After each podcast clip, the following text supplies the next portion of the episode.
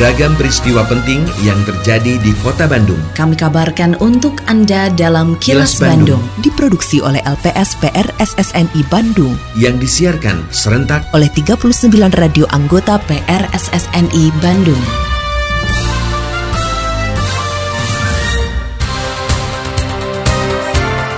Sejumlah informasi aktual kami hadirkan untuk Anda dan inilah informasi utamanya. Tergugah kejadian longsor sampah warga RW 19 Antapani Tengah kelola sampah secara mandiri. DPRD ingatkan antisipasi PPDB jalur afirmasi. Monumen Perjuangan Soekarno bakal berdiri di Kota Bandung. Saya Santika Sari Sumantri, inilah kilas Bandung selengkapnya. Masyarakat Kota Bandung terus berupaya mengelola sampah sejak dari sumber, seperti yang dilakukan warga RW 19 Kelurahan Antapani Tengah, Kecamatan Antapani, Kota Bandung. Hampir 90 persen sampah diolah melalui program Kurangi, Pisahkan dan Manfaatkan atau Kang Pisman. Lurah Antapani Tengah Teguh Harispaton menyebutkan wilayahnya menerapkan gerakan Abdi Milah Sampah Tibumi atau Abah Timi dengan membagikan dua ember sampah ke setiap rumah agar warga bisa memilah sampah di rumah masing-masing. Dananya bersumber dari PIPPK yang ada di setiap RW. Reporter Evi Damayanti melaporkan, menurut Teguh, RW 19 menjadi contoh keberhasilan pengelolaan sampah. Saat ini pihaknya sedang mendorong RW lain di Kelurahan Antapani Tengah untuk bisa juga mengelola sampah secara mandiri. Dari situ kita lakukan edukasi. Kita punya kader-kader Kang Pisman di setiap RW. Setelah kita roadshow ke setiap RW dari RW 1 sampai RW 24, tentunya kita harus ada pilot project supaya warga masyarakat yang ingin belajar itu tidak jauh. Kita dorong satu RW yaitu RW 19. Kita dorong untuk mau mengelola sampah. Alhamdulillah sekarang beliau sudah mengelola sampahnya secara mandiri di wilayah RW 19 sehingga warga Kelurahan Antapani Tengah yang ingin belajar terkait pengelolaan sampah saya tidak perlu jauh-jauh mengajak. Jadi tinggal ayo ke RW 19. Upaya warga RW 19 Kelurahan Antapani Tengah Kecamatan Antapani Kota Bandung dalam menangani sampah membuahkan hasil. Sejak pengolahan sampah dimulai tahun 2019, saat ini pola masyarakat sudah berubah terhadap sampah, bukan lagi dibuang tapi diolah. Pelopor pengolahan sampah di RW 19, Anindya Puspitasari mengatakan, sampah berhasil dimanfaatkan untuk pupuk organik, budidaya maggot, dan lainnya. Seperti dilaporkan reporter Agustin Purnawan, Anindya mengakui mengubah kebiasaan masyarakat menjadi tantangan dalam pengelolaan sampah. Kesadaran masyarakat baru muncul setelah ada kendala pembuangan sampah ke TPA. Kendala sih pasti ada ya, terutama pada saat kita mengedukasi untuk merubah mindset warga itu yang awalnya semua sampah disatukan, lalu kita edukasi untuk dipilah-pilah sesuai jenisnya organik, anorganik juga residu, itu yang agak besar tantangannya itu di situ, dirubah merubah kebiasaannya itu. Kita kan setiap edukasi itu ke warga selalu bilangnya, ayo ibu bapak sampahnya dipilah nanti kalau misalkan TPA, TPS ditutup kita mau buang sampah ke mana. Tapi kan selama kita edukasi itu masih tetap dibuka ya TPS-nya. Jadi kita kayak kayak angin lalu aja gitu. Ta- Tapi pada saat TPA-nya beneran ditutup, warga kan jadi kayak shock terapi ya. Jadi oh iya bener nih. Suara DPRD Kota Bandung. DPRD Kota Bandung mengingatkan pemerintah Kota Bandung terutama dinas terkait untuk mengantisipasi pelaksanaan penerimaan peserta didik baru atau PPDB tahun ini, khususnya jalur afirmasi agar diantisipasi. Pasalnya surat keterangan pengajuan data terpadu kesejahteraan sejahtera atau DTKS sudah tidak berlaku. Anggota Komisi D DPRD Kota Bandung, Aries Supriyatna mengatakan, saat ini calon siswa baru yang mendaftar melalui jalur afirmasi atau keluarga tidak mampu harus sudah terdata di DTKS. Politisi PDIP ini mengaku khawatir warga yang akan memilih jalur afirmasi tidak siap sehingga menjadi kendala saat akan mengikuti PPDB, apalagi prosesnya membutuhkan waktu yang cukup lama. Meski begitu, Aris menilai secara keseluruhan pelaksanaan PPDB di Kota Bandung terus mengalami perbaikan signifikan. Hal ini terlihat dari kurangnya reaksi negatif dari masyarakat. dulu itu masih ada aturan khususnya bagi jalur afirmasi ya bahwa bagi masyarakat yang tidak mampu di dua tahun ke belakang atau tahun belakang begitu bisa hanya menggunakan surat keterangan sedang diajukan eh, DTKS-nya. Sekarang saya mendapatkan laporan dari masyarakat bahwa sudah disosialisasikan bahwa surat keterangan itu sudah tidak akan dikeluarkan lagi. Jadi sekarang harus murni DTKS.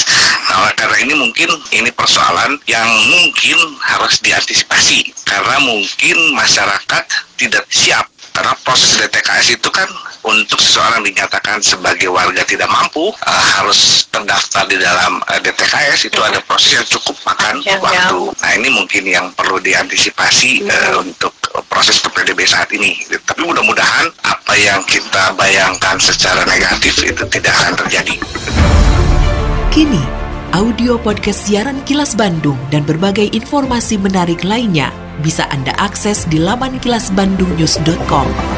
Peringatan Hari Lahir Bung Karno 6 Juni tahun ini menjadi momentum gagasan dibangunnya Monumen Perjuangan Soekarno di Kota Bandung. Ketua Yayasan Putra Nasional Indonesia yang juga penggagas pembangunan monumen, Pamriyadi mengatakan, monumen menggambarkan sosok Bung Karno muda yang sedang berdiri dengan satu tangan menunjukkan ke atas. Pamriyadi mengatakan saat ini pihaknya sedang mengajukan izin kepada pemerintah Provinsi Jawa Barat untuk menggunakan area Gor Saparua sebagai lokasi monumen. Kita yakin bahwa dengan konsep monumen patung Bung Karno yang lebih muda, lebih spiritnya, lebih terinspirasi bahwa memang perjuangan Bung Karno ini kan dari mulai Bandung ya, dari mulai dia kuliah sampai dia itu terkenal dengan Indonesia menggugat dan juga ketika dia jadi presiden itu namanya Dasasila itu juga memang di Bandung. Nah, ini saya rasa pembuatan ikon baru untuk tidak melupakan perjuangan sang proklamator yang saya yakin bahwa ini akan menjadi sebuah karya yang baik bisa membanggakan bagi khususnya rakyat Jawa Barat dan seluruh eh, Indonesia. Terkait dengan berita sebelumnya. Rencana pembangunan Monumen Perjuangan Soekarno di Kota Bandung yang digagas Yayasan Putra Nasional Indonesia mendapat dukungan dari sejarawan Yayat Hendayana. Ia menilai sosok Bung Karno sebagai motivator dan orator hebat yang dimiliki bangsa Indonesia. Yayat menyatakan berdirinya Monumen Plaza Bung Karno tidak sebanding dengan jasa Bung Karno semasa hidup. Namun menurutnya niat pembangunan monumen ini tidak lain bertujuan memberikan penghormatan kepada sang tokoh.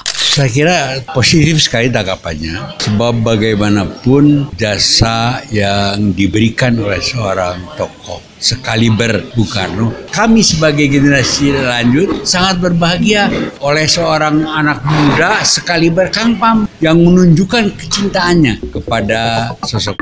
Masih terkait dengan berita sebelumnya.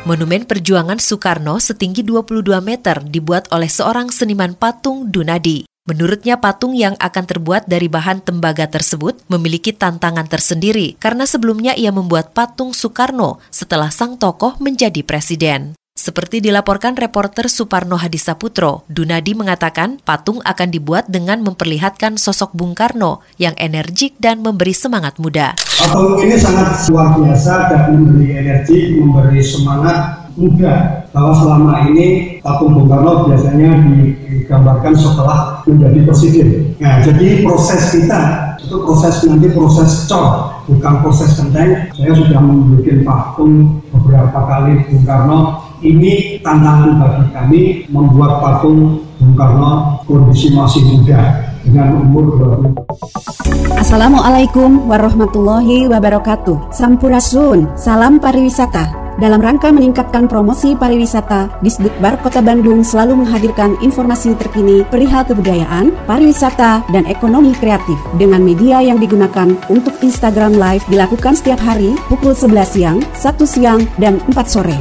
Dan untuk siaran radio reguler dilaksanakan setiap hari Jumat pada pukul 13.30 di Radio Sonata FM. Dan untuk konten foto, video, serta konten lainnya ada pada Instagram tic.bandung. Dan buat Anda yang ingin mencari informasi secara langsung, dapat mengunjungi kantor Turis Information Center di tiga lokasi. Lokasi pertama di kawasan Masjid Raya Bandung, lokasi kedua di Bandara Hussein Sastra Negara, dan lokasi ketiga ada di Lobi Hejo 23 Pascal Shopping Center Bandung. Mari dukung kemajuan pariwisata di Kota Bandung dengan follow Instagram tic.bandung. Hatur nuhun. Wassalamualaikum warahmatullahi wabarakatuh. Tetap patuhi protokol kesehatan meski Organisasi Kesehatan Dunia WHO sudah mencabut status kedaruratan COVID-19. Dapatkan dosis vaksin COVID-19 secara lengkap untuk meningkatkan antibodi dan efektivitas vaksin di dalam tubuh. Terima kasih Anda telah menyimak Kilas Bandung. Yang diproduksi oleh LPSPR SSNI Bandung.